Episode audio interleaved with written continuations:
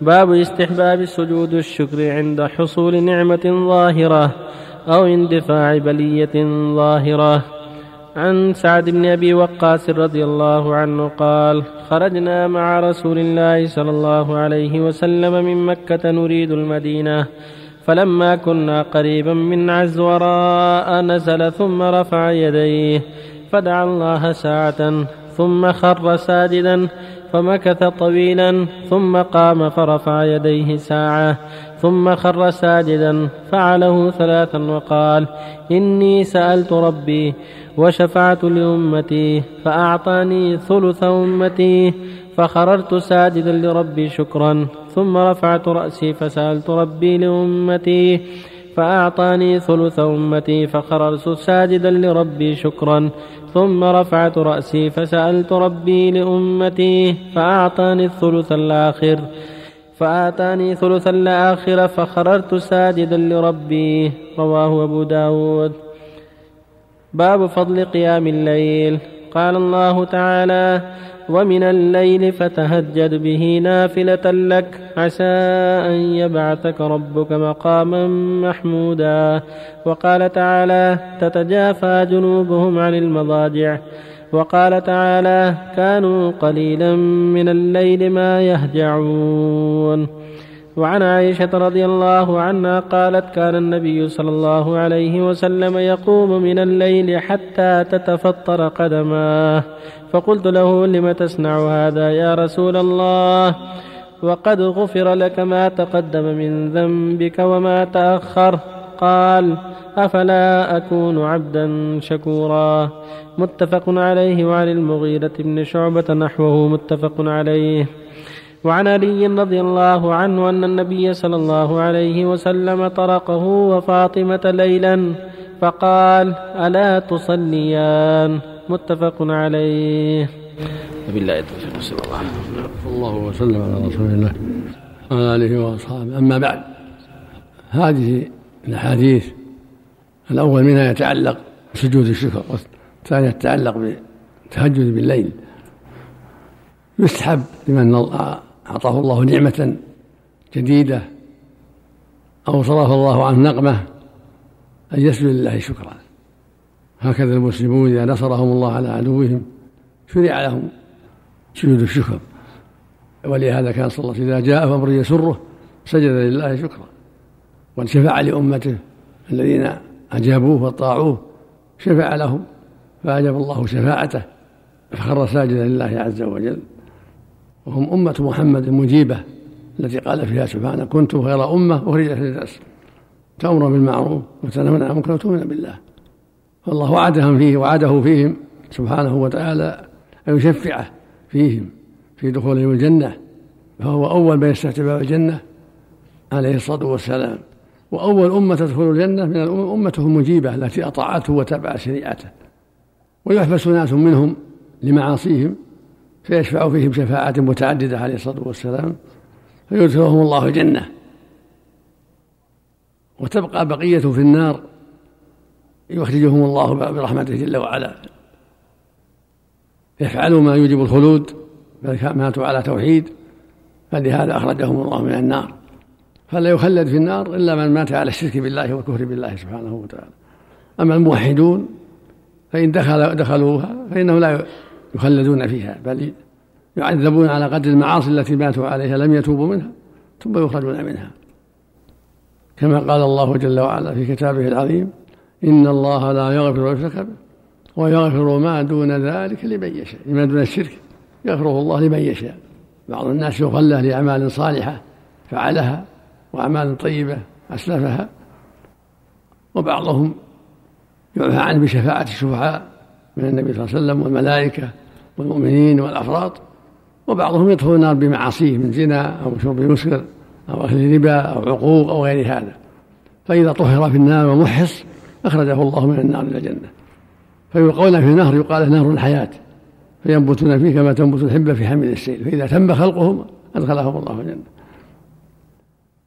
ولما جاء خبر قتل مسيلمة الكذاب في عهد الصديق رضي الله عنه سجد لله شكرا. الصديق رضي الله عنه. كان الصحابة توجهوا إلى اليمامة هنا من أجل قتال مسيلمة الكذاب ومن معه الذي ادعى النبوة. فقتلوه وقتلوا جماعة من أصحابه وأسلم الباقون منهم. فلما جاء خبره إلى الصديق أنه قتل خر لله ساجدا. السنة لمن جاء وهو يسره أن يسجد لله. إذا جاء خبر سمع خبر أن الله نصر المؤمنين وأيدهم على عدوهم وسجد لله شكرا فهذا مستحب. أو ولد له ولد فسجد لله شكرا أو اندفعت نقبة عنه سجد لله شكرا أو صلى كل هذا مما يحبه الله جل وعلا. ومما شرع الله تهجد بالليل التعبد بالليل. ما يسر الله العبد يصلي ثلاث يصلي خمس يصلي سبع يصلي تسع يصلي إحدى عشر ما يسر. ما يسر الله له. يسلم من كل ثنتين.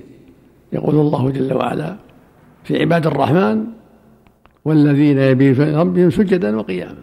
فعباد الرحمن المؤمنون من صفاتهم التعبد بالليل والتهجد بالليل. قال تعالى في كتابه العظيم يا أيها المزمل قم الليل إلا قليلا نصفه أو ينقص منه قليلا أو زد عليه ورتل ولا ترتيلا. ويقول جل وعلا ومن الليل فتهجد بها نافلة لك عسى أن يبعثك ربك مقاما محمودا.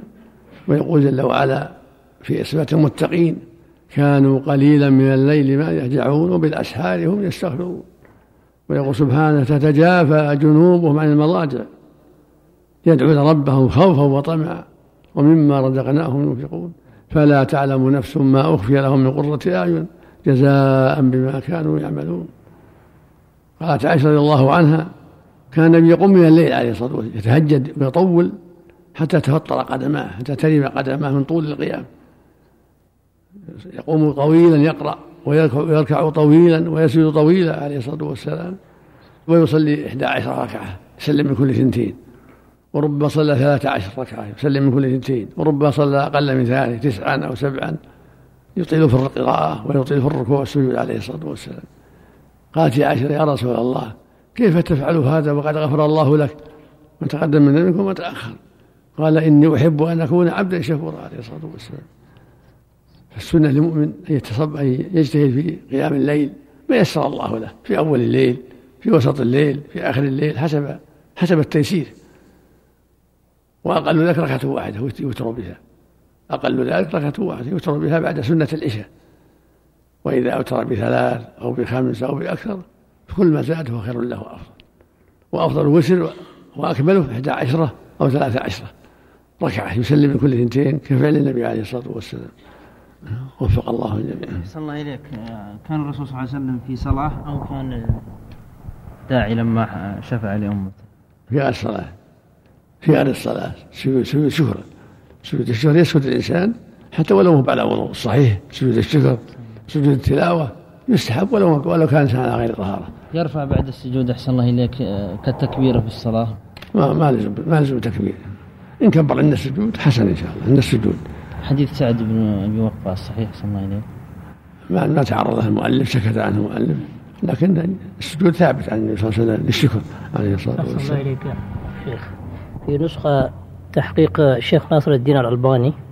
يقول حديث السجود يقول ضعيف سندا وحديثا. يحتاج تأمل نعم. لأن قد يغلط غفر الله لنا وله. قد يغلط.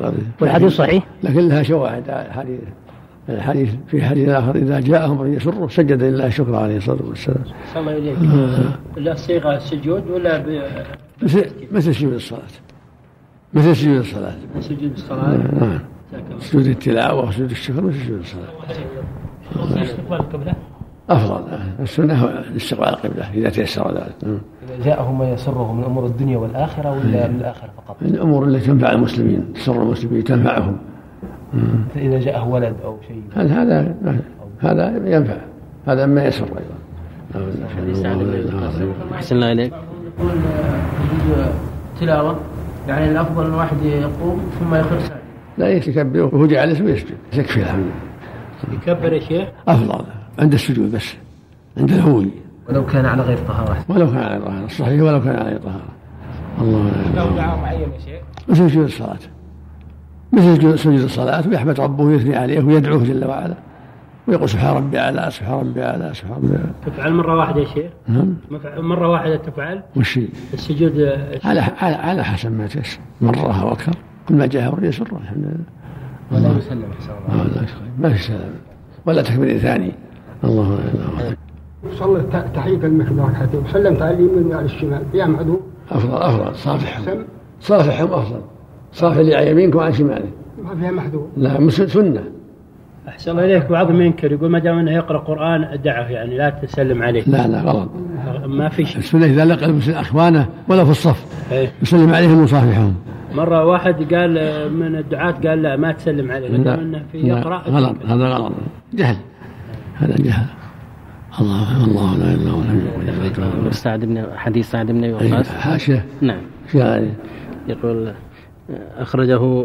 أخرجه أبو داود وأخرجه البيهقي في وفي سنده موسى بن يعقوب الزمعي وهو سيء الحفظ وشيخه يحيى بن الحسن بن عثمان مجهول. لكن في الباب عند أبي داود والترمذي من حديث أبي بكر أن النبي صلى الله عليه وسلم كان إذا جاءه أمر يسر به خر ساجدا شاكرا لله تعالى وسنده حسن. وسجد كعب بن مالك في عهد النبي صلى الله عليه وسلم لما بشر بتوبة الله عليه. نعم وهو في الصحيح. لما جاء خبر التوبة سجد لله كعب رضي الله عنه. نعم. انتهى نعم.